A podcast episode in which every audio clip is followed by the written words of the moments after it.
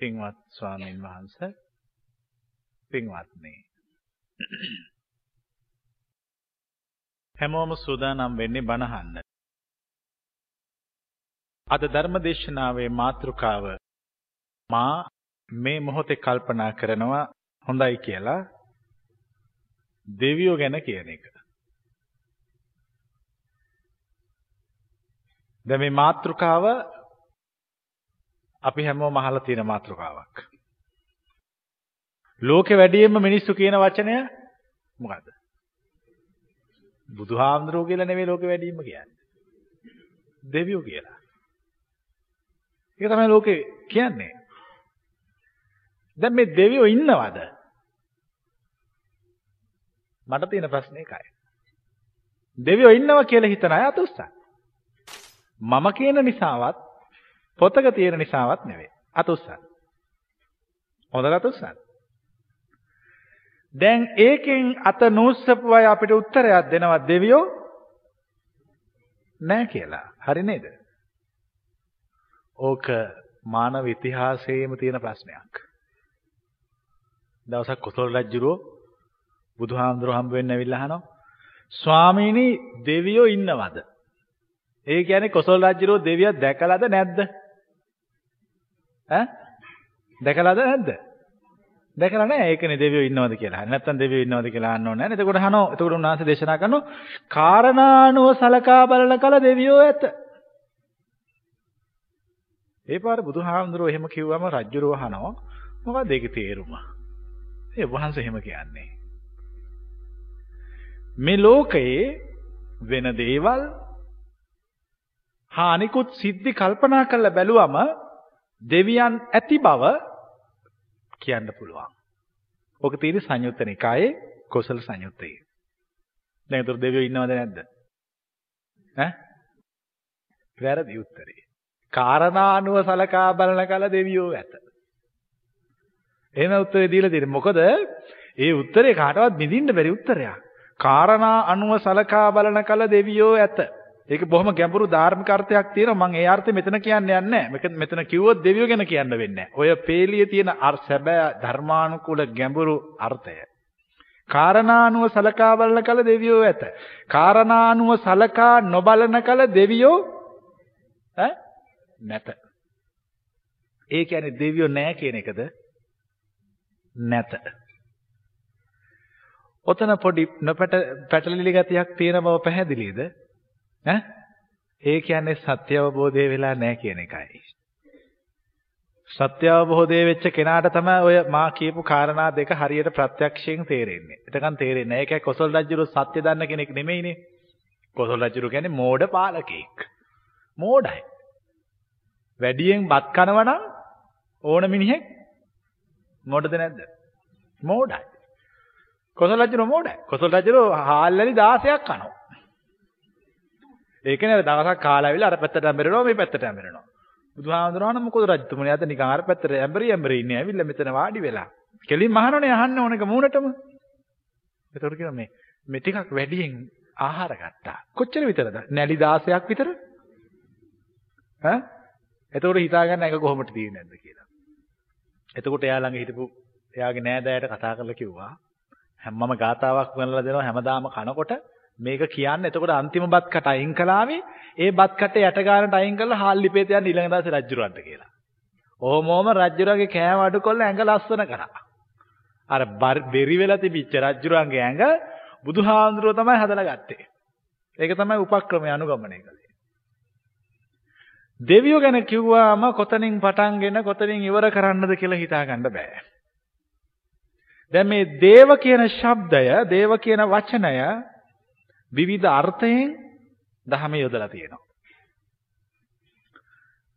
දැන් ඔයත් හැමෝම අහලා තියෙනවා ඉස්සර මේ ලංකාවේ ජීවත් වුණානේ ගෝත්‍ර. ගෝත්‍ර මොනවද ජීවත් වෙච්ච? යක්ෂ, රාක්ෂ, නාග, දේව. යක්ෂ ගෝත්‍රය හිටියා. යක්කු කියන්නේ කවුද? ඈ? ඇත්තටම යක්කු කියන්නේ කවුද?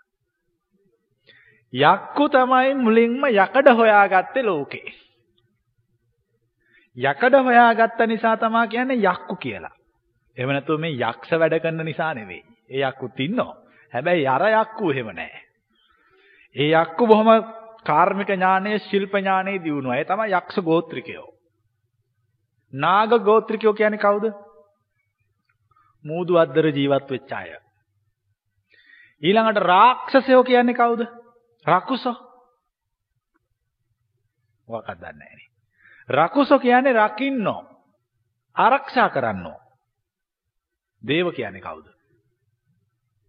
දේව ගෝත්‍ර කියන්නේ කඳු මුදුන් ඇසුරු කරගෙන ජීවත් වෙච්ච හුඟක් manussත්වය මානව දයාව මිනිසුන්ට ආදරය දක්වපු අනෙක් මිනිස්සු පාලනය කරපු අය තමයි දේව. දැන් එතකොට දේව කියන වචනේ යොදලා තියෙනව නේද? මිනිස්සු හඳුන්වන්නත්. ඈ? මිනිස්සු හඳුන්වන්න යොදලා තියෙනවා. දවසක් බුදුරජාණන් වහන්සේ බලන්න ලිච්ඡවි රජ දරුවෝ එනවා. ලිච්ඡවි හරි ලස්සනයි. ලිච්ඡවි. චවි කියන්නේ හැමට ලිච්ඡවි කියන්නේ දිලිසෙන ලස්සන හැමක් තියෙනවා. දැන් අට කතාවේ කියනවා මේ ලිච්ඡවි කෑම જાති කෑවහම එළිය ඉඳන් බැලුවහම කෑම පේනවලු. එහෙම පේනව නෙවෙයි. ඒ කියන්න හදන්නේ මොකද්ද? එච්චරට ශරීරය ලස්සනයි. බුදුහාඳුර ලිච්ඡ වෙනකොට හාමුදුරුවෝ කතා කරලා කියනවා මහණෙනි චාතුම් මහරජික දිව්‍ය ලෝකේ දෙවියෝ දැකලා නැත්තම් අන්න අරගොල්ලෝ දිහා බලන්න කියලා. ඒ කියන්නේ ඒගොල්ලෝ කවුරු වගේද? ඈ? චාතුන් මහරජික දේව ලෝකේ දෙවියෝ වගේ ලස්සනයි. දේව කියන වචනේ යොදලා තියෙනවා මනුෂ්‍ය කොට්ටාසයක් හඳුන්වන්නත්. ආයේ දේව කියන වචනේ යොදලා තියෙනවා අපේ ඇහැට නොපෙනෙන්නා වූ තවත් අදෘශ්‍යමාන කණ්ඩායමක් අඳුන්වන්න. ඒක තමයි දේව කියන වචනේ යොදලා තියෙන ආරමුණු වලින්. දැන් අපි මෙතන කතා කරන්නේ ඇහැට නොපෙනෙන දෙවියෝ ගැන. හැබැයි ඒ ඇහැට නොපෙනෙන්නේ කාට විතරක්ද? සාමාන්‍ය මිනිස්සෙකුට විතරයි. වෙන කෙනෙකුට දෙවියෝ දකින්න බැරිද? ඈ?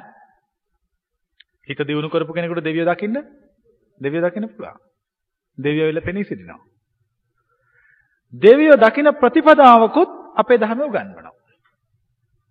ඒකට තමක් කියනවා. දෙවියෝ දකින වැඩපිළිවෙලක් අපිට තියෙනවා. දේවතා අනුස්සති. ඒක භාවනාවක්. දේවතා අනුස්සති කියන්නේ තමන්ගේ හිත දේවත්වයට පත් කර ගැනීම. ඒ කියන්නේ හිතේ ලෝභය, තණ්හාව, ඊර්ෂ්‍යාව, වෛරය, කාමය, රාගය මේ සියල්ල දෙඩි උත්සාහයෙන් වීරියෙන් යටපත් කිරීම තුළ දේවත්වයට පත් වෙනවා. මේ දේවලෝක ඉපදිච්ච දෙවියෝ ඒ ලෝකේ ඉන්නේ පින නිසා. දේවලෝක කීයක් තියෙනවද? ඈ හයක් තියෙනවා. ඕකේ පල්ලෙහෙම්ම තියෙන්නේ මොන දිව්‍ය ලෝකෙද? ඈ? චාතුම් මහරජික දිව්‍ය ලෝකේ. දැන් ඉස්සෙල්ලා මම දිව්‍ය ලෝකේ ව්‍යුහය පැහැදිලි කරනවා. මොකද යන්න හම්බෙන්නේ නැහනේ. ඕක ඉතින් නිකන් හරි දැනගන්න එක හොඳ නැහැ. කොහොමත් උතෙන්ට යන්න හම්බෙන්නේ නැහනේ. මොකද යන්න නම් ඔය මානසික මට්ටමේ ඉඳලා එතෙන්ට ගිහිල්ලා ඉන්න බෑ. ඕනම තැනක ඕනම පිරිසක් එකතු වෙන්නේ මානසික මට්ටම් එකනම් විතරයි. ත්‍රිපිටකයේ තියෙනවා කේලෝ කේලේන සංසන්දේති සමේති. කෙල තියෙන තැනකටලු කෙල වැටෙන්නේ. මුත්තෝ මුත්තේන සංසන්දේති සමේති.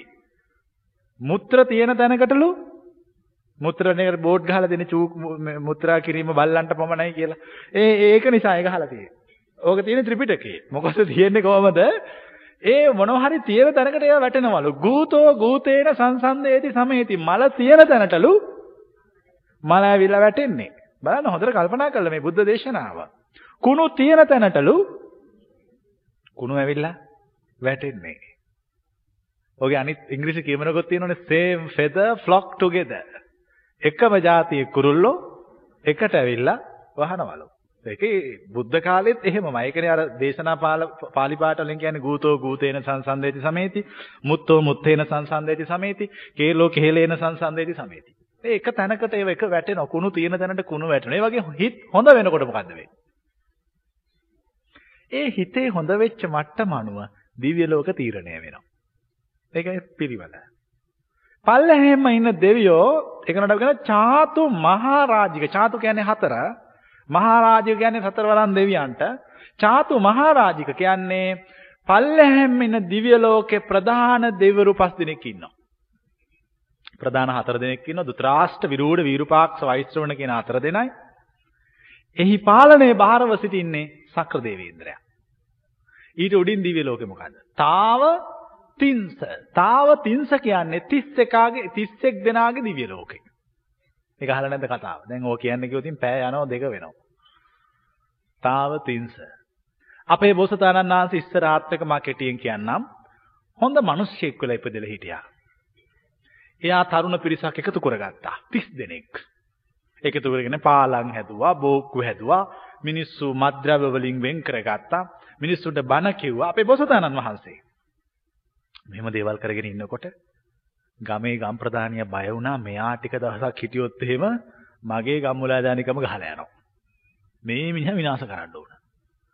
ගම් ප්‍රධානියා රජුරවන්ට ගිහිල්ලා කිව්වා 31 දෙනාගේ කණ්ඩායමක් හැදිලා තියෙනවා මහා භයානක වැඩ කරනවා රට ගම් විනාශ කරනවා ගස් කොළන් කපනවා කියලා රජුරවන්ට බොරු කිව්වා. රජුරෝ මේක ඇත්තයි කියලා මේ ගම්මුලාදානියා කීමහල අර 31 දෙනාම ගෙනල්ලා හිටෝපස් මේ බෙල්ල ළඟට වල දාලා ඇතුළවා පාකවා මරවන්න අන කළා. අපේ බොසතාණන් වහන්සේ ඉස්සෙල්ලම කිව්වා ඉස්සෙල්ලම මට පස් දා මම වල දාන්න මාව පාගන්න ඊට පස්සේ මේ 30 දෙනා පාගන්න. ඉතින් බොසතාණන් වහන්සේ බෙල්ල ළඟටම වල දැම්මා. දැන් රජුරෝ බලාගෙන ඉන්නවා. මගුල් ඇතු අඩි තිය තිය ඇවිල්ලා බොසතාණන් වහන්සේගේ ඔළුවට තිබ්බ අඩිය තිර වෙලා ආයෙ ගත්තා. රජුරෝ බැලුවා මේ මේ රාපවල එන මගුල්ලතා দমনය කරන මොකක් හරි මන්ත්‍රයක් මෙයා දන්නව ඇති. වහාම කිව්වා කරුණාකරලා මරන්න දෙන්න එපා දෙවෙනි වතාව නවත්තන්න. එතකොට ඇතා කකුල තිබ්බ විතරක් නෙමෙයි කුලප් වෙලා දිව්වා. පස්සට. වලෙන් ගොඩ ගත්තා. බෝසතාණන් වහන්සේ වලෙන් ගොඩ අරගෙන රජුරු ඇවිල්ලා ගෞරව කරලා අහනවා. මන්ත්‍රයක් දන්නවද කුලප් වෙච්ච ඇත්තු මෙල්ල ගන්න. එසේය දේවයනි. දැන් රජුරවන්ට උවමනා වුණා අර ඇත්තු කුලප් වෙල එලවන ඇත්තු බය කරන මන්ත්‍රය බෝධිසත්වයන්ගෙන් ඉගෙන ගන්න. කැමතිද උගන්වන්න කියලා. උගන්වන්න කිව්වා. එතකොට රජුරෝන්ට ඔක්කොට මෙන්න කියලා කිව්වා. මිනිස්සුන්ට උදව් කරන එක. පරාර්ථ චර්යාව. ඒක තමයි ඇත්තු එලවන මන්ත්‍රය. රජුරෝ එදා ඉඳලා එයාට ඒ ගම බාර දුන්නා. ඒ 31 දෙනා මැරෙනකම්ම හොඳ වැඩ කළා. ඒ 31 දෙනා මැරිලා ගිහිල්ලා ඉපදිච්ච දිව්‍ය ලෝකේ තමයි තාවතින්ස. 31 දෙනාගේ දිව්‍ය ලෝකේ. මුලින්ම එතකොට තාවතින්ස දිව්‍ය ලෝකේ කී දෙනාද හිටියේ? 31 දෙනා. ඒ 31 දෙනෙකුට දිව්‍ය ලෝකයක් හැදුණා. බලන්න කොච්චර ශ්‍රේෂ්ඨද කියලා. ඊට පස්සේ යාම, තුසිත, නිම්මාන රති, පරනිම්මිත, පරනිම්මිත වසවත්තිමාර. ওই විදිහට තමයි දිව්‍ය ලෝකේ තියෙන ඒවා ආවුෂ වෙනස්. මනුස්ස ලෝකයේ අවුරුදු 500ක් චාතුම් මහා රාජික දිව්‍ය ලෝකයක දවසක්. චාතුම් මහා රාජික දිව්‍ය ලෝකයේ අවශ්‍ය මනුෂ්‍ය වර්ෂ වලින් අවුරුදු කෝටි 9යි. මදිද? ඈ ගියොත් එන්න හම්බෙන්නේ නැහැ ලේසියෙන්. මොකද කෝටි 9ක් ඉන්න එපා. ඉතින් ওই තියෙන කෑම බීම කකා දිව්‍ය ආභරණ පැලඳගෙන ඕක ඉන්න එක ලේසි නෑ ගිහිල්ලා. අමාරු ඉන්න. ඇයි? කාලය ගත කරන එක අමාරුයි. තේරෙන්නේ නැද්ද? මොනතරම් සැප සම්පත් තිබුණත් කාලය ගත කරන්න අමාරුයි. දැන් ඔයත් අන්න සියලු සැප සම්පත් දාලා දැන් මට ඒක හොඳට තේරෙනවනේ. කාමරේ සියලු අවශ්‍ය ඔක්කොම දේවල් ටික තියලා. දොර වහලා ඇතුළට වෙලා ඉන්න කියනවා. හොඳයි. අවශ්‍ය සියලු දේම තියෙනවා. හැබැයි කාලය ගත වෙන්නේ හැමින්. දැන් මං කල්පනා කරන මනුස්ස ලෝකෙ ඉන්නේ කොච්චර පිනක්ද? දිව්‍ය ලෝකෙට ගියා නම් එහෙම ඔయితත් වඩා හැමි. දිව්‍ය ලෝකේ දෙවියන්ට චතුරාර්ය සත්‍ය අවබෝධ වෙන්නේ ඒ නිසා. තේරුණාද කියන එක? ඇයි දුක දැනෙනවා වැඩි. තේරෙන්නේ නැද්ද? දුක දැනෙනවා. දැන් ඔයත්තන්ට දැන් බණ අහනකොට නම් දුක දැනෙන්නේ නැහැ. මොකද කාලය ගත වෙනව දැනෙන්නේ නැහැ. බලන්න රැයට නිින්ද නොයා තිබුණොත් එහෙම. ඒක තමයි දුක. ඒ නිසා තමයි දෙවියන්ටත් මිනිසුන්ටත් සත්‍ය අවබෝධය වන්නේ. දෙවියන්ට වෙන කිසිම දුකක් නැහැ. කන්න බොන්න නැත්තේ නෑ. සියලු සැප සම්පත් තියෙනවා. හිතනප දැන් මේ නිම්මාන රතී දිව්‍ය ලෝකේ දෙවියෝ හිතුවොත් එහෙම දැන් ලෝකේ තියෙන වටිනම වාහනේ මොකද්ද? ඈ? අපි හිතමු මොකක් හරි නමක් කියලා කෝටි 500ක දහක වාන් නිම්මාන රති දෙවියෙක් හිතුවොත් මේ ලෝකේ තියෙන වටිනම වාහනේ මෙතන පහළ වෙන්න ඕන කියලා ඒ ක්ෂණේ පහළ වෙනවා. ඒ නිම්මාන රති දෙවියෝ හිතන ඕනම එකක් Taman ඉදිරිපස පහළ වෙනවා. එතකොට හිතන්න තියෙන සැප හිතා ගන්න පුළුවන්ද? ඈ? හිතලා ඉවර කරන්න බෑ. සීමාවක් නැහැ. එච්චරට දිව්‍ය ලෝකවල සැප. හැබැයි ඔය දෙවියෝ හරි මේ මහා කලබලකාරයෝ. හැබැයි ওই දෙවියන්ගේ නායකයා හරිම බුද්ධිමත්. කවුද නායකයා? ওই දිව්‍ය ලෝක දෙකේ? සක්‍රයා. සක්‍රයා හරි බුද්ධිමත්. සූත්‍රයක් තියෙනවා සංයුත්ත නිකායේ සක්ක සංයුත්තේ වේපචිත්ති සූත්‍රය. දෙවියෝ අසුරයෝ අතර යුද්ධයක් තිබුණා. අසුරයන්ගේ නායකයා වෙච්ච වේපචිත්ති අල්ලලා පස්පලකින් බැඳලා යුද්ධෙන් පරද්දවලා දෙවියන්ගේ නායකයා වෙච්ච සක්‍රය ළඟට අරගෙන ආවා. සක්‍රය ළඟට ගෙනල්ලා බිම දැම්මා. දැන් වේපචිත්ති පස්පලකින් බැඳලා තියෙන්නේ. බිම දාපු වෙලේ ඉඳලා කුණු හරපෙන් බනිනවා කාටද? සක්‍රයාට. සක්‍රයාට කිසි ගාණක් නැහැ. කිසිම ගාණක් නැහැ. සක්‍රයා අහගෙන ඉන්න ඔක්කොම ටික. සක්‍රයාගේ රියදුලා කවුද? මාතලී. මාතලී කියනවා මේ මේ කැනහිලාට ඔබ වහන්සේ නොහම කතා කරන්න ඉඩ දෙන්න එපා. මුට ගහන්න කඩුව අරගෙන කැපිලා යන්න. මූ පස්පලකින් බැඳලත් මුගේ කටේ සැර. ඒතොර සක්‍රය කියනවා මාතලට මාතලේ මිනිස්සු දුර්වල වුණාම ඔහම තමයි. ඒ දුර්වල වෙච්ච මිනිස්සුන්ට අපි කලබල වෙන්න අවශ්‍ය නැහැ. එයාට කරන්න කිසිම දෙයක් නැති නිසා තමයි ඔය සද්ද කරන්නේ. බලන්න කොච්චර බුද්ධිමත් නායකයෙක්ද කියලා. ඒ නිසා කොච්චර ගණන් ගන්න එපා මාතලේ. කොච්චර බුද්ධිමත් නායකයෙක්ද? ඒ විතරක් නෙමෙයි. සංයුත්ත නිකායේ සක්ක සංයුත්තේ සූත්‍රයක් තියෙනවා. ඒ සූත්‍රයේ තියෙන අමුතුම කතාවක්. දැන් මම මෙතෙන්ට බණ කියන්න එන්න කලින් මේ පුටුව හදලානේ තිබුණේ. මේ පුටුවේ ඇවිල්ලා මෙතනින් කවුරු හරි වාඩි වුණා නම් මොකද්ද කරන්නේ?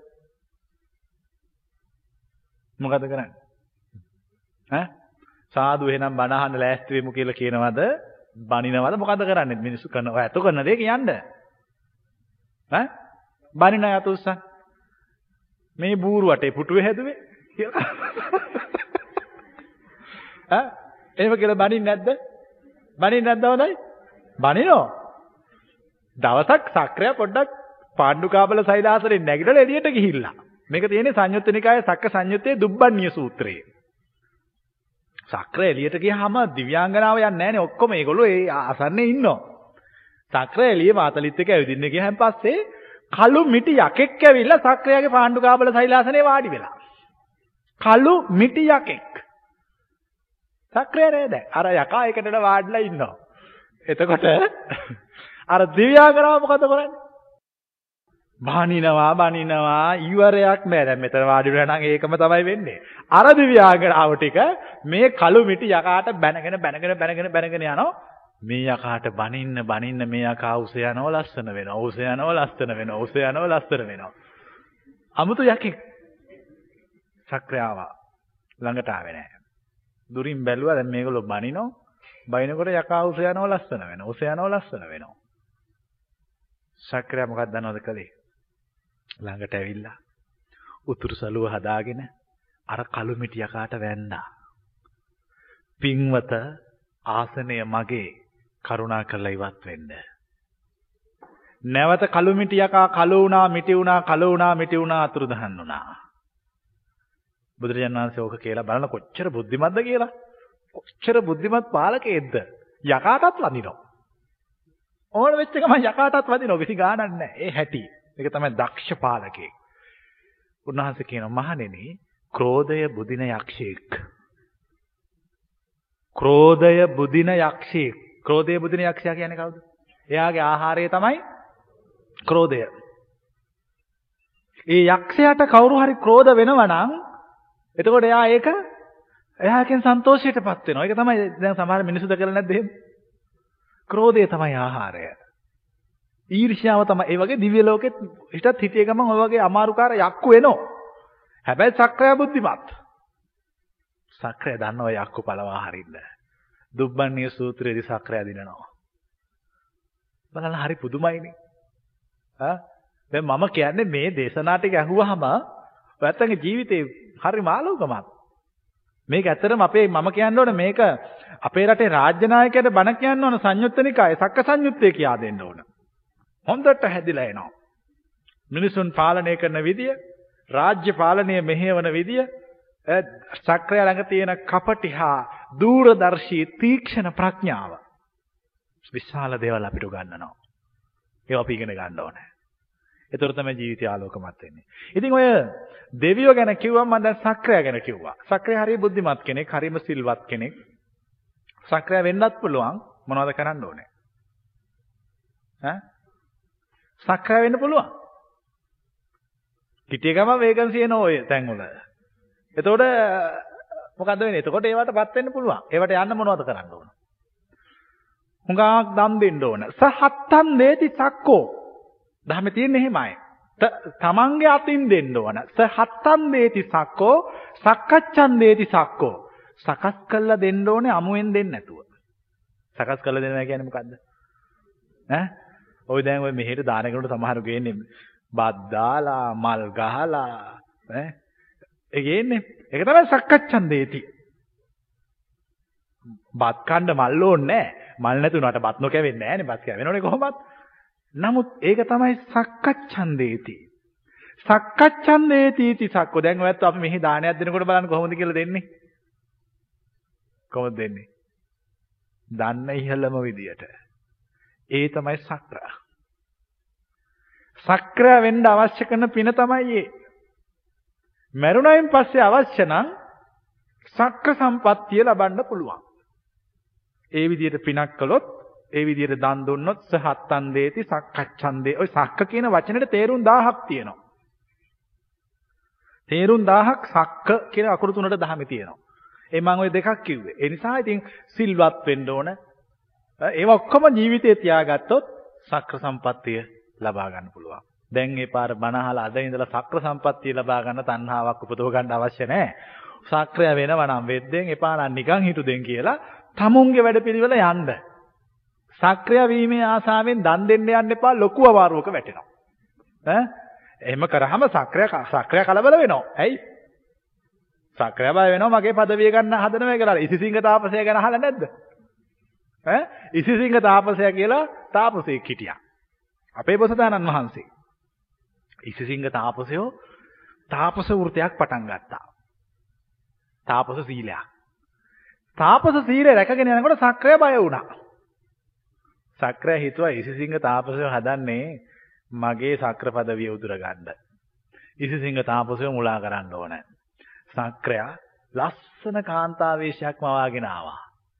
ඉසිසිංහ තාපසෝ කවදාකවත් කාන්තාවක් දැකලා නැහැ. එතකොට ඉසිසිංහ තාපසව දැක්කා අමුතු එක්කෙනෙක් ඇවිල්ලා ඉන්නවා. තාපසය දන්නේ නැහැ කවුද කියලා. ඉතින් තාපසයට කතා කළා. තාපසයා අවුරුදු 12ක් ඉසිසිංහ තාපසයා සක්‍රයා වසඟයට ගත්තා. සීලෙවින්නා. මිදල දිව්‍ය ලෝකෙට ගියා. ওই වගේ නපුරු වැඩත් කරනවා හිටිය ගමන් සක්‍රයා. එහෙම කොයි වගේව කරන්නේ? ඈ?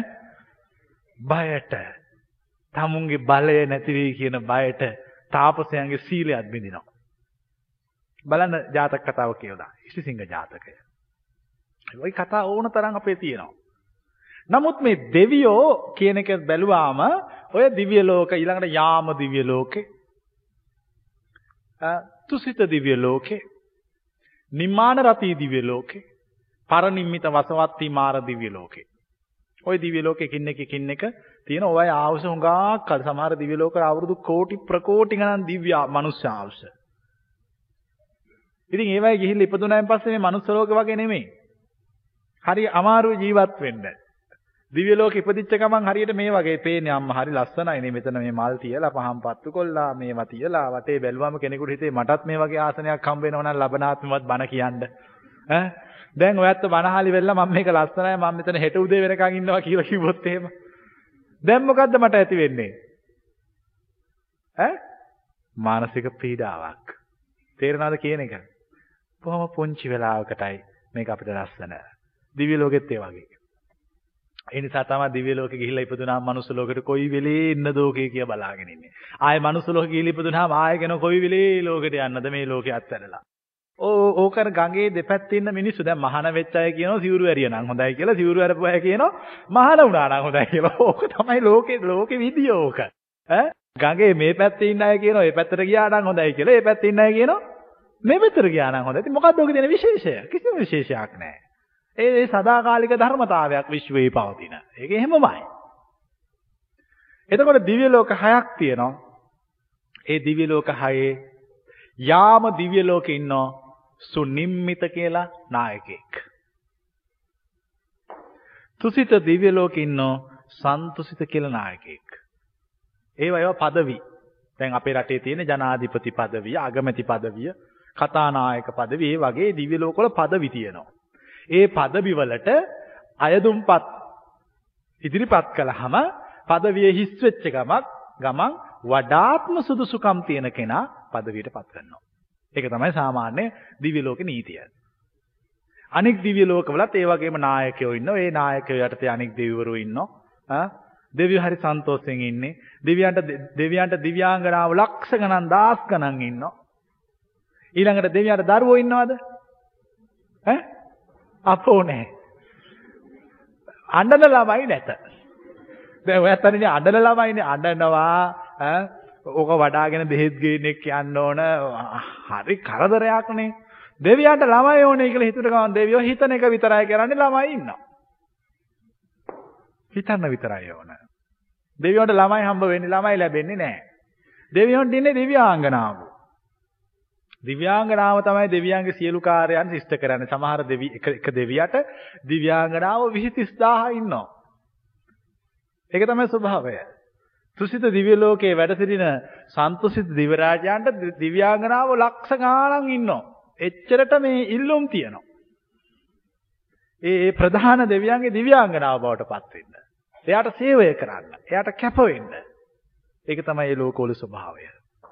ඉතින් ඒ ලෝකවලට යන්න පුළුවන් මේ මනුස්ස ලෝකෙ ඉඳගෙන හොඳට හොඳට පින් කරන්න ඕන. ඊළඟට මේ බුද්ධ කාලෙත් අදත් හෙටත් සදා කාලයටම දෙවියෝ මනුස්ස ලෝකෙට එනවා. සැරින් සැරේ මනුස්ස ලෝකෙට එනවා. දැන් ওই සූත්‍රයක් තියෙනවා. ඒක තියෙන්නේ මේ අනුරුද්ධ සූත්‍රය. හාමුදුරු කෙනෙක් නාන්න යනව හැන්දෑවේ. නාන්න ගිහිලා සිවුර ගලවලා පැත්තකින් තියලා මේ අඳන පිටින් නානවා. වතුරට බහැලා ගඟට බහැලා. නාලා ඇවිල්ලා ගඟෙන් ගොඩ වෙනවා. ගොඩ වෙලා ඇඟේ තියෙන වතුර මෙහෙම අතින් පිහි දානවා. දේවතාවයක් ඇවිල්ලා මේ හාමුදුර ළඟට කියනවා තාම කෙසුත් කළුයිනේ. ඈ ශරීරෙත් තරුණයිනේ. කැමති නැද්ද මාත් එක්ක රති කෙලියට? මේ දේවතාවිය අහනවා. මේ රහතන් වහන්සේගෙන්. එතකොට කියනවා කාමයෝ දුකක්. මම මේ උත්සාහ ගන්න එතනින් අයින් වෙන්න. ඒ නිසා මට බෑ. කියලා මේ මේ රහතන් වහන්සේ කියනවා. නැවත කතා කරනවා. නැවත කතා කරනවා. කිය කියා ඔබ හරි ලස්සනයි ඔබගේ කෙස් කළුයි. ඔබ හරි ප්‍රියමනාපයි දර්ශනීයයි. මේ දෙවියා මේ හාමුදුර මොකද්ද කරන්න හදන්නේ? මුලාවටපත් කරන්න. සමහර දෙවියෝ භික්ෂුන් වහන්සේලා තාපසයෝ මුලා කරනවා. ඒ ඒගොල්ලන්ගේ හැටි. මනුස්ස ලෝකෙ ඉන්නේ වගේ තමයි ලෝකවලත්. එමයි ඉන්නවා. අන්තිමට ඒ දෙවියා සත්‍ය තේරුම් ගන්නවා. සත්‍ය තේරුම් අරගෙන ධර්ම අවබෝධය කරනවා. තවත් සූත්‍ර පිටකයේ සංයුත්ත නිකායේ දේවතා සංයුත්ත තියෙනවා තැනක. ඒක දෙවියෙක් ගහක ඉන්නවා. ඒ ගහක ඉන්නකොට එතෙන් දෙනවා හාමුදුරු කෙනෙක්. ඇවිල්ලා ඒ ගහ යට තියෙන ලොකු විලක්. විලේ පිපිලා තියෙනවා මානෙල් මල්. මේ මේ හාමුදුරුවෝ මේ තාපසයා අල්ලන්නෙත් නැතුව කඩන්නෙත් නැතුව පහත් වෙලා මානෙල් මල ඉඳිනවා. මුකුත් ඇල්ලුවේවත් නැහැ මල ඇල්ලුවෙත් නැහැ කැඩුවෙත් නැහැ වතුර කලබල කළෙත් නැහැ පහත් වෙලා ඉඹිනවා. ඉම්බ ගමන් ගහේ ඉන්න දෙවියා හාමුදුරන්ට බයිනවා. සුවඳ හොරා. ලැජ්ජ නැතුව මල්වල සුවඳ හොරකම් කරන්න ආවනේ. තමුන්ගේ සීල රැකගෙන ඉන්නේ නැතුව මොකටද මේ මලේ සුවඳ හොරකම් කරන්න ආවේ සුවඳ හොරා කියලා මේ හාමුදුරන්ට බයන. හාමුදුරට බයනකොට හාමුදුරු බලනකොට කියලා ගහේ ඉන්න දෙවියා. හාමුදුර පැත්තකට යනවා. මෙන්න ඊට පස්සේ මිනිහෙක් ඇවිල්ලා වතුරට බැහැලා දියබුන් ගහලා මල් මාලා කදලා මල් කඩලා අල කාලා ගස් උගුල්ලලා මඩ කරලා ඔක්කොම කරනවා. කරනකම් මේ දෙවිය බලන් ඉන්නවා. මුකුත් කියන්නේ මේ මේ තාපසයට මේ හාමුදුරන්ට තරහ යනවා. මොන වදයක්ද? මොන කරදරයක්ද? මං මේ මල අල්ලන්නෙත් නැතුව මං සුවඳ බැලුවා විතරයි. මට බැන්න තමුන්නාසේ සුවඳ හොරාය කියලා. තමුන්නාසේ අරාපු මිනිහා වතුරත් කලබලා මඩ කළා මේකේ මලුත් කාලා අලත් කාලා මාලෙකුත් දාගෙන ගියා. ඒ ඇයි තමුන්නාසේ මුකුත් නොකියන්නේ? සමිදුනේ ඌ කොහොමත් ওই වගේ මිනිහා. ඌගේ ආය හොදන්න සුද්ධ කරන්න දෙයක් නැහැ. ඔබ වහන්සේ එහෙම කෙනෙක් නෙවෙයි. ඔබ වහන්සේ හරි ශ්‍රේෂ්ඨයි. ශ්‍රේෂ්ඨ වෙච්ච ඔබ වහන්සේ පුංචි දෙයක් හරි කළොත් ඒක අපිට හොඳට දැනෙනවා. ඒකයි මම ඔබ වහන්සේට සුවඳ හොරා කියලා කිව්වේ. තරහකට නෙවෙයි. දැන් තේරෙනවද ඔයත්තන්ට? ඈ? දෙවිය උපමාවක් කියනවා. රෙද්දේ කුණු ගෑවිලා තියනනම් ඕකේ ආයි දැලි ගෑවුනා කියලා අමුත්තක් නැහනේ. ඈ? අමුත්තක් නැහැ. හැබැයි රෙද්ද සුදු නම් කුණු ගෑවුනොත් ඈ හොඳට පේනවා. බලන්න මේ මේ මේ දෙවියෝ ගැන ඉගෙන ගත්තාම කොච්චර ඉගෙන ගන්න පුළුවන්ද කියලා. තවත් තැනක තියෙනවා දවසක් දෙවියෙක් එනවා මේක තියෙන්නේ සංයුත් අංගුත්තර නිකායේ හත්ක දිව්‍ය පුත්‍රයාගේ සූත්‍රය. දෙවියෙක් එනවා බුදුන් දකින්න බුදුහාමුදුරුවෝ ළඟට. ඇවිල්ලා ඉතින් ඒ දෙවියට මං හිතන්නේ මනුස්ස ලෝකෙට ඇවිල්ලා එච්චර තේරුමක් නැතුව ඇති. ඒ දෙවියා මනුස්ස ලෝකෙට බහිනවා. බැහැලි වෙලා බුදුහාමුදුර ඉස්සරහා හිට ගන්න හදනවා හිට ගන්න හදනවා මහ පොළොවට ගිලීගෙන යනවා. උපමාවකින් කියලා තියෙනවා වේලිච්ච තෙල් වේලිච්ච වැලි ගොඩකට තෙල්වක් කරන්නා වාගේ. දිව්‍යගේ දිව්‍යමය ශරීරය මහ පොළොවට කිඳාගෙන වැස්සා. එතකොට බුදුහාඳුරෝ කියනවා මේ දෙවියට හත්තක ශරීරය සියුම් වැඩි මහ පොළොවට ඉන්න. මහ පොළොව ওই වගේ ශරීර වලින් ඉන්න අමාරුයි. මහ පොළොවට ඇවිල්ලා හත්තකට ඉන්න ඕන නම් හත්තක ශරීරය ටිකක් ඝන කරගන්න. එතකොට හත්තක මොකද කරගන්නේ? එයාගේ ශරීරය හිතින් හිතලා හිතලා හිතලා ශරීරය ඝන කරගන්නවා. ශරීරය ඝන කරගත්තාම තමයි යාට පොළවේ හිටගෙන ඉන්න හම්බ වෙන්නේ. එහෙනම් දෙවියන්ගේ ශරීරය මොන වගේ ඇද්ද? ඈ? ඉතාම සියුම්. ඒ නිසා දෙවියන්ට තාප්ප නැහැ, බිත්ති නැහැ, උළුවහු නැහැ, දොරවල් නැහැ, මුකුත් නැහැ. ඇයි? ඕන එකක් විනිවිදගෙන යන්න පුළුවන්. එච්චරට සියුම්, ඇත්තටම සියුම් මනස. මනසේ සීමා මායිම් බන්ධන අඩු වෙලා ඒකයි දේවත්වයටපත් වෙන්නේ. ඒකයි එහෙම දෙවියෙක් වෙන්නේ. ඊළඟට දෙවියෝ හුඟා බුදුරජාණන් වහන්සේගෙන් බණ අහලා තියෙනවා. දැන් වැතොයි මංගල සූත්‍රය කියලා බලන්න.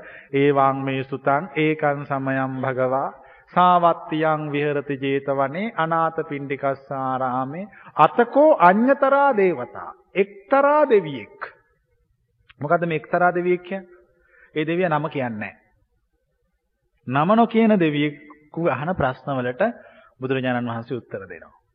මේ මේ සංයුත්ත නිකායේ දේවතා සංයුත්ත කියවහම මහ පුදුම උත්තර තියෙන්නේ. දෙවියොත් මහ පුදුම જાතියේ ප්‍රශ්න අහන්නේ. පුදුම ප්‍රශ්න අහලා තියෙන සමහර ප්‍රශ්න වොත් මේ කියන්නත් බැරි ප්‍රශ්න. දෙවියෝ බුදුහාමුදුරන්ගෙන් ඇවිල්ලා අහනවා. ඒ ඔක්කොටම උත්තර දෙනවා. කියවල බලන්න සංයුත්ත නිකායේ දේවතා සංයුත්තේ. කොච්චර හොඳ උත්තර අමුතු අමුතු ಜಾති උත්තර දීපු විදිහ අර එක දෙවියෙක් අම්තෝ ජටා බහි ජටා ජටාය ජටිතෝ පජා. තන්තං ගෝතම පුච්චාමි කෝයි මං විජටේ ජටං. හිමියනි ඇතුළෙත් ප්‍රශ්න. අන්තෝ ජටා බහි ජටා.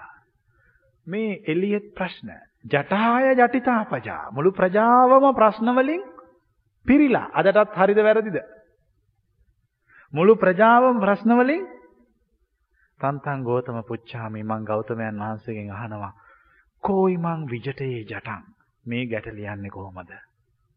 ගැට තියෙන බව තේරෙනවද? හ්ම්? ඈ? ගැට තියෙන බව තේරෙනවද? ඔව්. දැන් ඔයත් අන්න ගැට කියන්නේ ගැටලු. ගැටලු කියන්නේ ප්‍රශ්න. දැන් ප්‍රශ්න විසඳන්නේ කොහොමද? හරි ලේසියි. ප්‍රශ්නවලට දෙන වටිනකම ඉවත් කරන්න. එච්චරයි කරන්න තියෙන්නේ. වෙන කරන්න කිසිම දෙයක් නැහැ. ඔය තියෙන ඔක්කොම ප්‍රශ්න විසඳන්න ගියොත් එහෙම ජීවිතේ විසඳලා ඉවර කරන්න පුළුවන්ද? ඇත්තම කියන්නේ දැන් මෙච්චර කාලයක් තිස්සේ විසඳපු එක නෙමෙයිද කළේ? මම කියන්නේ විසඳන්න නෙමෙයි. වටිනකම ඉවත් කරන්න. වටිනකම ඉවත් කරාම ප්‍රශ්නයක් වෙනවද? ඈ දැන් අපි හිතමු කවුරු හරි ඉන්නවා තට්ටේ තියෙන කෙනෙක්. තට්ටේ ප්‍රශ්නයක් වෙන්නේ කොණ්ඩේ ගැන හිතනවා නම්. තේරෙන්නේ නැද්ද කෙනෙක්? ඒ ගැන හිතන්නේ නැත්තම් ඒකේ අමුත්තක් නැහැ. කවුරු හරි මිනිහෙක් ඉන්න ඔළුව නැති. ප්‍රශ්නයක්ද? නැහැ. ඔළුව ප්‍රශ්නයක් වෙන්නේ ඔළුවක් ගැන කල්පනා කර කර ඉන්නවා නම්. ඔළුව නැහැ ඔළුව නැති වුණත් වැඩ ටික කරන්න පුළුවන්. නම් ඒක එච්චර ඊට වඩා ප්‍රශ්නයක් නැහැ. බුදුහාමුදුරුවෝ ඉන්නේ මේ විදියට. ඕන් නැති දේවල් අල්ලගන්නේ නැහැ.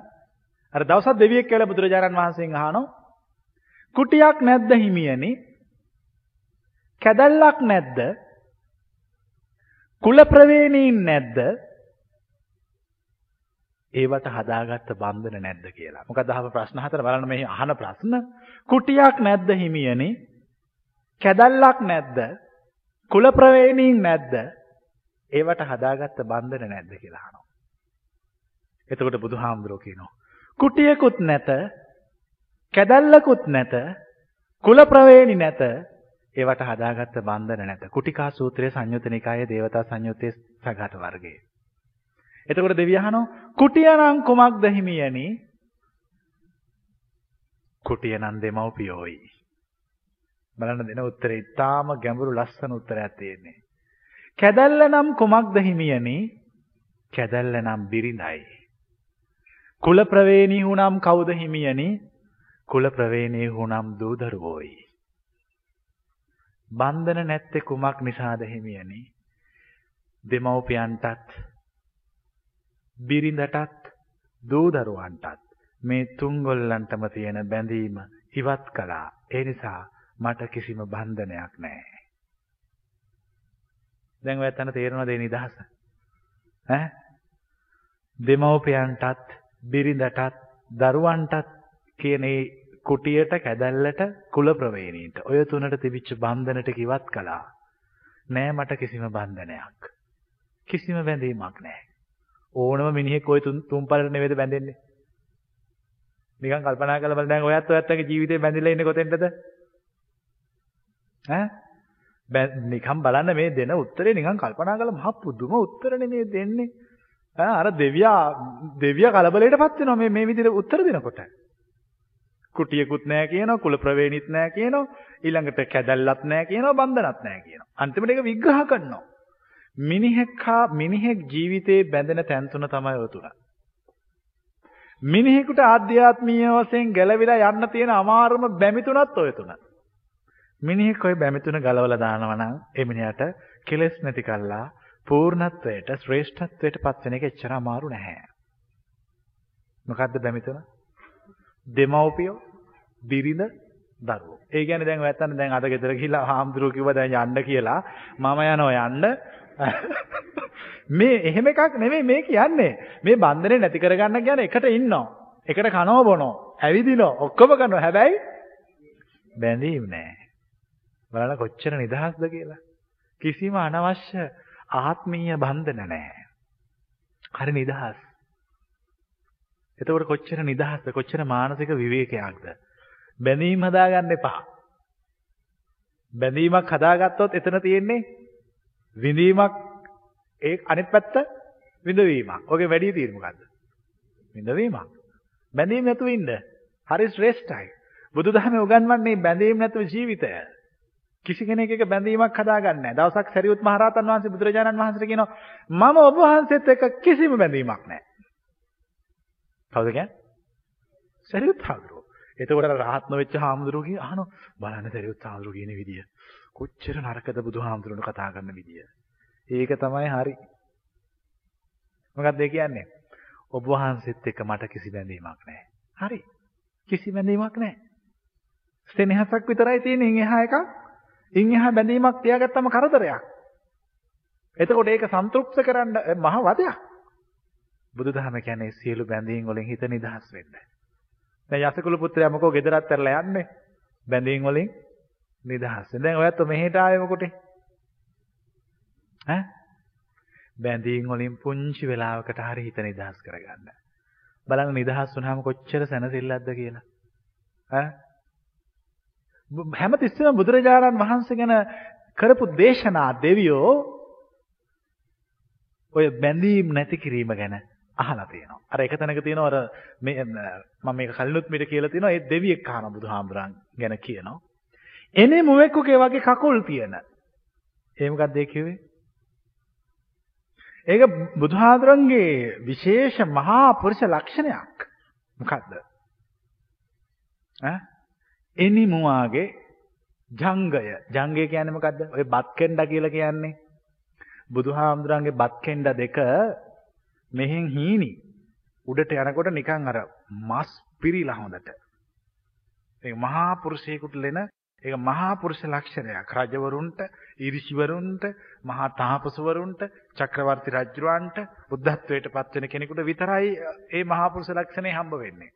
මේ දෙවිය අහනෝ එනි මුවෙකුගේ වගේ කකුල් තියෙන සියලු බැඳීම් අත්හල කිසිවකට ලොල් බවක් නැති ස්වල්ප ආහාර වළඳන ඔන්න ඔන්න මේ දෙවිය බුදුහාමුදුරුවෝ ගැන කියන විදිය දෙවියොත් කියනවා ඒ නිසා හුඟක් තැන්වල දෙවියෝ බුදුහාමුදුරන් ඇවිල්ලා අහන්නේ බැඳීම් වලින් නිදහස් වෙන විදිහ. බුද්ධ කියලා කියන්නේ දිව්‍යමය වූද මානුෂික වූද සියලුම බැඳීම් වලින් මම නිදහස්.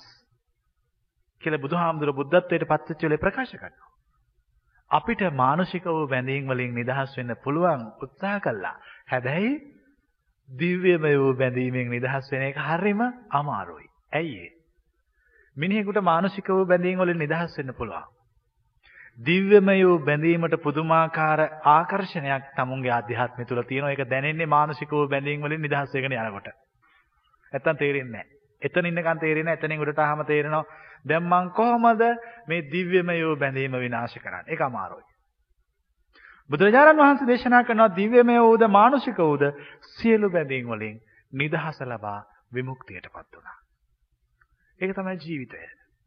දෙවියෝ කියලා කිව්වහම දෙවියෝ ගැන තියෙන කතා ඉවරයක් නැහැ. සීමාවක් නැහැ. සමහර දෙවියෝ ඉන්නෝ මොලේ නැති. ඔයත් අහලද කතාවක් තියෙනවා රුක් දෙවියෙක් හිටියාලු. මේ රුක් දෙවියා ගහක නේ ඉන්නේ රුක් දෙවියෝ දැන් ඔය මෙහෙත් හිටිය ගමන් ෆොටෝ ගන්නකොට ඔය වදින්නේ මහා ආලෝක ගස්ුරේ රුක් දෙවිවරු. වෘක්ෂ දේවතාවෝ. ඒ ගස්වලට එන අය. ඒගොල්ලෝ එන්නේ ගස්වලට. මේ රුක් දෙවියා මේ ගහේ හිටියලු. මාළුවා කියලා වැලක් තියෙනවා. මේ මාළුවා ඇටයක් වැටුණලු ගහමුල. දැන් රුක් දෙවිය කල්පනා කළාලු මාළුවා වැල හැදේවි.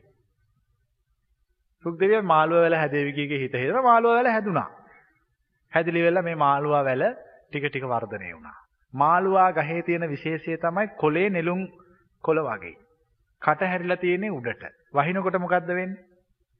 මේකට වතුර පිරෙනවා. එතකොට මුළු වැල ඔක්කොම තියෙනකොට වතුර පිරුණාම ගහට මොකද්ද වෙන්නේ?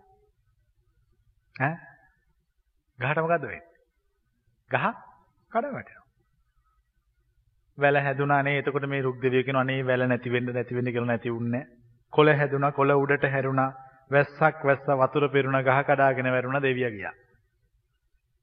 එහෙමත් දෙවියෝ ඉන්නෝ. කර කියා ගන්න දෙයක් නැහැ.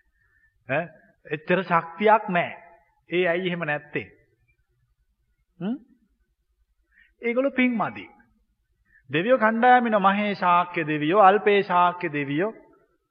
මහේ ශාක්‍ය දෙවියෝ කියලා කියන්නේ ඒගොල්ලෝ මහා තේජවන්තයි, බලවන්තයි. ඒගොල්ලන්ට කාටවත් මුකුත් කරන්න බෑ. මහේ ශාක්‍ය දෙවිවරු එනකොට අල්පේ ශාක්‍ය දෙවිවරු මොකද්ද කරන්නේ? ඈ? මොකද කරන්න ඕන? නැගිටින්න ඕන. ගෞරව කරන්න ඕන. දැන් අර බණ කියනකොට නැගිටින්නේ ඒ වගේ තමයි මේ ලෝකෙත්. මහේශාක්‍ය දෙවිවරු වෙනකොට අල්පේශාක්‍ය ඔක්කොම දෙවිවරු නැගිටින්න ඕන පාර ඉඩ දෙන්න ඕන. ඉඩ නොදුන්නොත් මොකද කරන්නේ? බයිනවද? ඉඩ නොදී ඉන්න බෑ. පින නිසා අයින් වෙනවා. ඒක තමයි ස්වභාවය. මේ දිව්‍ය ලෝකේ සියල්ල තීරණය වෙන්නේ පින මත. දවසක් බුදුරජාණන් වහන්සේ දිව්‍ය ලෝකෙට වැඩියා. දෙවිවරු ලක්ෂ ගණන් බුදුහාමුදුරුවෝ බලන්න ආවා. කෝටි ගණන් ආවා. ඇවිල්ලා ඇවිල්ලා ඇවිල්ලා ඇවිල්ලා දිගටම දෙවිවරු වාඩි වෙලා ඉන්නවා. බුදුහාමුදුරුවෝ කල්පනා කළා අද මිනිස්සුන්ට කියන්න ඕන හොඳ පණිවිඩයක්. දානය ගැන. ළඟින්ම කකුල ළඟින්ම දෙවියෙක් වාඩි වෙලා හිටියා. නම අංකුර. යොදුන් 12ක් එපිට දෙවියෙක් ඉන්නවා. එයාගේ නම ඉන්දික. ඉස්සෙල්ලම බුදුහාමුදුරුවෝ යොදුන් 12ක් ඈතින් හිටපු දෙවියර කතා කළා. හරියට මේ බණශාලාවේ ඈතම කොනේ ඉන්න එක්කෙනාට කතා කරනවා වගේ. කතා කරලා නැගිටින්න කිව්වා. මේ දෙවියා නැගිට්ටා. නැගිට්ටාම උන්වහන්සේ කියනවා මේ දිව්‍ය ලෝකයට ඇවිල්ලා උපදින්නත් දැන් මගෙන් බණ අහන්නත් ඔබ කරපු පින ඔක්කොටම මේ දේව සභාවට ඇහෙන්න කියන්න කිව්වා. එතකොට මේ දෙවියා කියනවා මං ඉස්සර සිටුවරයෙක්. මම දන් දුන්නා. කොච්චර දන් දුන්නද කියලා කියනවනම් ස්වාමීනි මගේ දානශාලාවේ දර පලන්න හිටියා 84000ක් සෙනඟ. දර පලන්න හිටපු හැම කෙනෙකුටම මම දුන්නා රත්තරන් මාලේ ගානේ. ඔක්කොටම මාල දුන්නා. ඔක්කොටම ගෙවල් හදලා දුන්නා. මේ දර බලන් ඉන්න මිනිස්සු. ඒතකොට එයාගේ දාන ගැන හිතා ගන්න පුළුවන්ද? දැන් අපි මෙහෙ දැන් අද මෙහෙ පිට්ටු තම්බලා. ඒ පිට්ටු තම්බු මිනිස්සුන්ට මොකක්වත් නැහැ.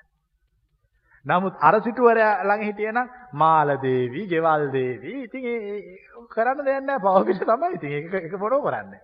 ඈ? ඒක ඒක ස්වභාවය. එතකොට එයා කියනවා මම මෙච්චර දන් දුන්න 84000ක් මගේ දානශාලාවේ දර පැලුවා. එච්චරටම දුන්නා. ජීවත් වෙනකම්ම දුන්නා.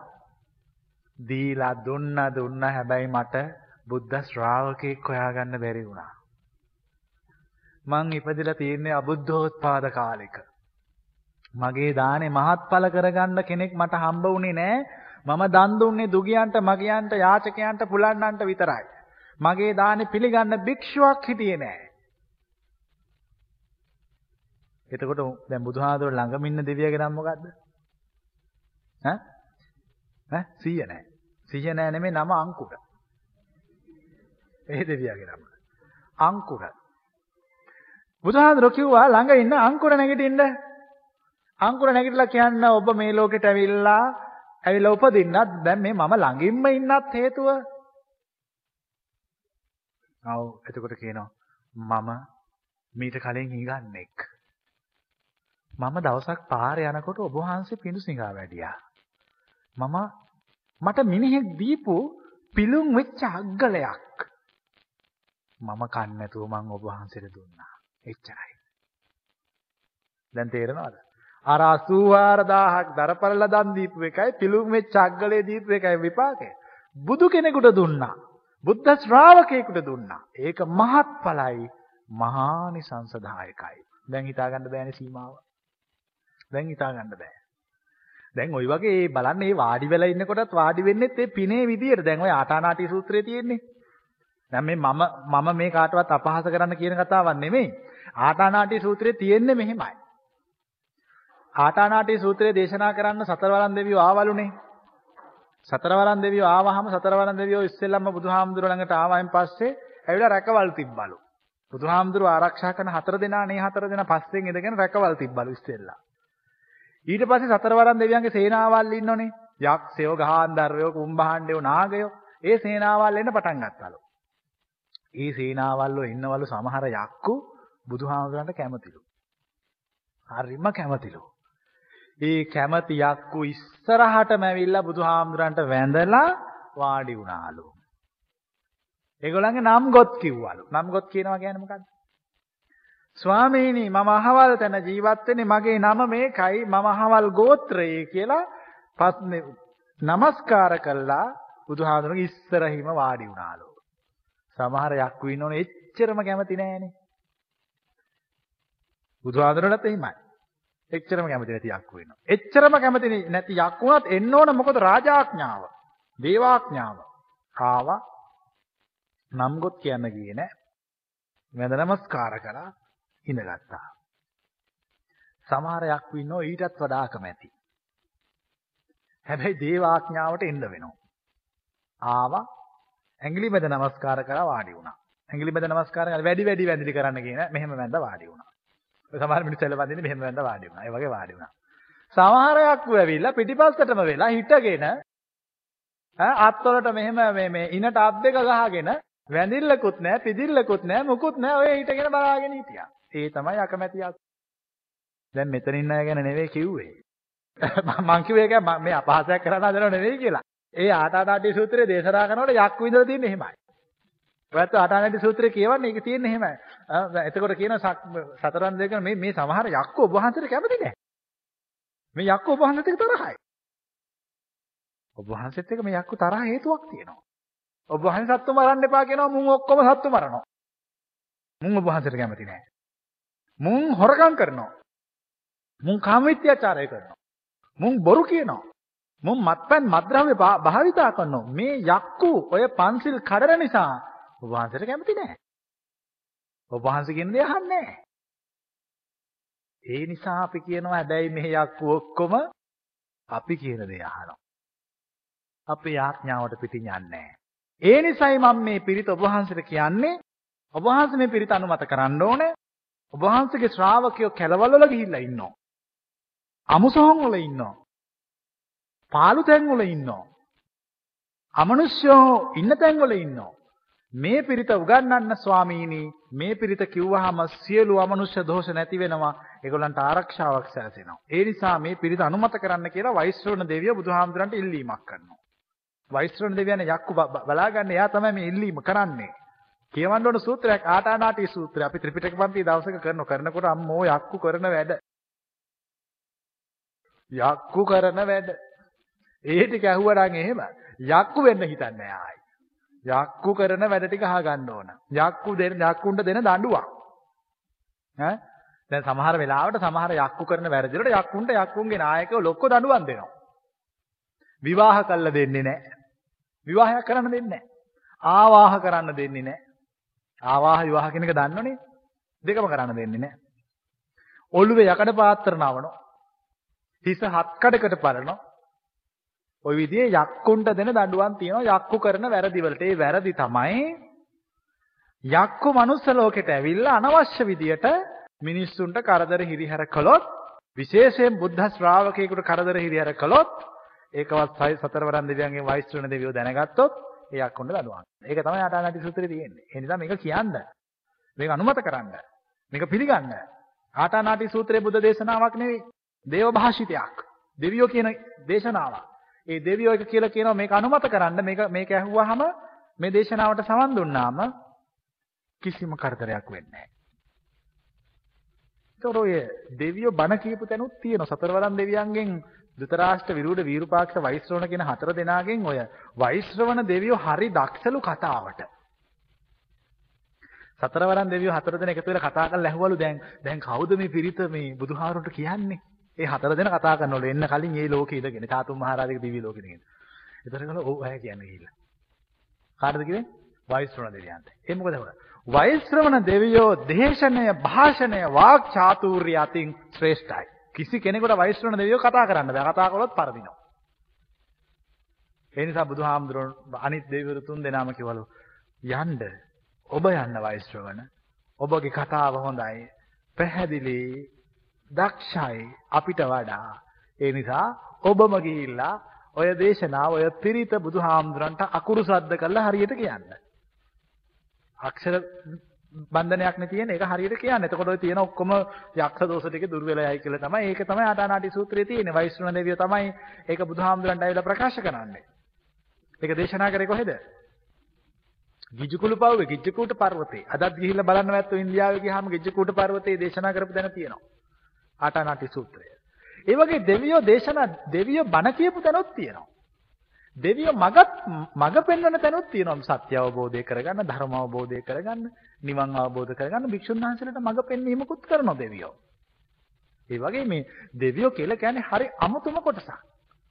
දෙවියන්ගේ කතාන්දර සිය දහස් ගාණක් ත්‍රිපිටකයේ තියෙනවා. දෙවියෝ මොන වෙලාවටද බුදුන් දකින්න එන්නේ? හ්ම් රාත්‍රී මධ්‍යම යාමයේ. රෑ 12 පහුවෙලා. ඒ වෙලාවට තමයි සම්‍යක් දෘෂ්ටික දෙවියෝ බුදුන් දකින්න සමීප වෙන්නේ ලං වෙන්නේ. එතකොට මිනිස්සු කරදර කරන්නේ නැහනේ. හැබැයි දෙවියන්ට මිනිස්යාගේ ගඳ දුරට ගඳ ගහනවා. සූත්‍රය තියෙනවා ඉසිගන්ධ සූත්‍රය කියලා. ඉසිගන්ධ සූත්‍රයේ සඳහන් කරන්නේ ඉරිසිවරයෙක් තාපසයෙක් පැවිද්දෙකුගේ ස්වභාවයක් ගැන. ඒ තාපසයා නාන්න නැතුව සීලයක් රකින්න. කිසිම දෙයක් කරන්නේ නැහැ. ඉතින් කිසිම දෙයක් නොකරන එක. මොකටද නාන්නේ නාන්නෙත් නැහැ. නාන්න නැතුව අවුරුදු 20 30 ගාණක් ඉඳලා තාපසයා ගඳ ගහනවා. හැබැයි දෙවියන්ගේ නායකයා වෙච්ච සක්‍රය එනවා තාපසයට වඳින්න. එතකොට තාපසයා කියනවා සක්‍රයට මම මේ නාලත් නෑ අවුරුදු 20 20කින් 30කින් මම මේ වෘතයක් රකින්නවා. සීලයක් රකින්නවා. මොකටද තමුන්නාසේ මට වඳින්න ඇවිල්ලා මේ ගන්ධස්කාරේ තියෙන ශරීර ළඟට ළඟගෙන යන්න ගිහිල්ලා ඒ ලෝකෙට වෙලා ඉන්න. ඒතර සක්‍රයා කියනවා. ඉරිෂිවරයා ඔබගේ ඔබ අපිට ගඳ නෑ. ඔබ අපිට සුවඳයි. ඔබගේ සුවඳ එන්නේ පැති සුළඟට නෙමෙයි උඩු සුළඟට අපිට ඒ තමයි ඔබගේ සිල් සුවඳ. අපි ඔබට වඳින්න එනවා. කොච්චර ගඳ වුණත් කොච්චර නාන්න නැතුව හිටියත් පැති සුළඟට යන්නේ නැති සුවඳක් ඔබට තියෙන. දැන් ඕනම සුළඟක් කියන්නේ මේ සුවඳක් කියන්නේ මොන සුළඟටද? පැති සුළඟට. පැත්තට යන්නේ. හැබැයි ඔබගේ සුවඳ එන්නේ උඩු සුළඟට. උඩු සුළඟට අපිට ඒ ලෝකෙට ඔබගේ සුවඳ දැනුණාම අපිට එහෙ ඉඳලා මෙහෙට ඔබ ළඟට එන්න ඕන ඔබට වඳින්න ඔබ කොච්චර ගඳ වුණත් අපි ඔබට ඇවිල්ලා වන්දනා කරනවා. ඒක තමයි ඉසිගන්ධ සූත්‍රය. ඉරිෂිවරුන්ගේ ගඳට ඉරිෂිවරුන්ගේ වෘතයට චර්යාවට සීලයට සක්‍රියයිලා নমස්කාර කරනවා. ගරු කරනවා. ඉතින් දැන් බලන්න ඔයත් මේ දෙවියෝ ගැන කිව්වහම පස්සේ මම බොහොම බොහොම ස්වල්ප කාරණා ටිකක් කිව්වේ අරහෙන් මෙහෙන් අරහෙන් මෙහෙන් අරගෙන. මොකද මේක කියන්න ගියොත් එහෙම සක්‍රිය ගැනම කියන්න තිබුණ පැයම. සක්‍රියගේ වැඩ කොටසව පැයකින් කියන්නත් බෑ අත්‍තරම ඊටත් වඩා විස්තා දීර්ඝ දේශනාවක්. සක්‍රියගේ කරන දේවල් කියන දේවල් හැසිරීම චර්යාව හරි පුදුමාකාරයි. මේ ටික හොඳට අහුවාම මතක තියාගන්න ඕන අපේ ඇහැට නොපෙනෙන දෙවියෝ කියලා කොටසක් ඉන්නවා. ඒ දෙවියෝ මිනිස්සුන්ට උදව් කරනවා. උදව් කරනවා. පස්සෙන් යනවා. රැකවල් යොදනවා. රැකවල් යොදනවා කියන්නේ ආරක්ෂා කරනවා. ඒ අපි කියනවනේ ඉෂ්ට දෙවියෙක් ඉන්නවා කියලා. කාටද ඉෂ්ට දේවතාව කියන්නේ? හැම කෙනෙකුටම අධිපති දෙවියෙක් ඉන්නවා. ඒ ඒ දෙවිය මේ එක එක ළඟ ඉන්නවා. සමහරවිට පේන්නම ඇවිල්ලා ඉන්නවා. එක එක්කෙනාගේ ස්වභාවය ඒක. ඒ පුද්ගලයාගේ බල සම්පන්න විදිය අනුව එයාට අයිති දෙවියෙක් ඉන්නවා. ඒ දෙවියව ආරක්ෂා කරනවා. කරදරයක් වෙනකොට ළඟට ඇවිල්ලා පිහිට වෙනවා. ඒ වගේ අපි හොඳ වැඩ කරනකොට දෙවියන්ගේ ආශිර්වාදය අපිට ලැබෙනවා. රැස් කරගත්තා වූ සීල පුණ්‍ය ශක්තිය මතු ලෞතුරා බුද්ධත්වයට පත්වී වදාරන උතුම් මෙත් මහ බෝසතාණන් වහන්සේට සතුටු සිතින් අනුමෝදන් කරන උන්වහන්සේ අනුමෝදන් වේවා කියලා ප්‍රාර්ථනා කරමු. සීල දෙවියෝ අනුමෝදන් වේවා. සියලු මිය පරලෝකියත් අනුමෝදන් වේවා. අපටත් ඔබ හැම දිනාටමත් පාරමී පුරාගෙන කුසල් රැස් කරගෙන උතුම් මමා මහ නිවන් අවබෝධය පිණිසම මේ පුණ්‍ය ශක්තිය පාරමිතාවක්ම වේවා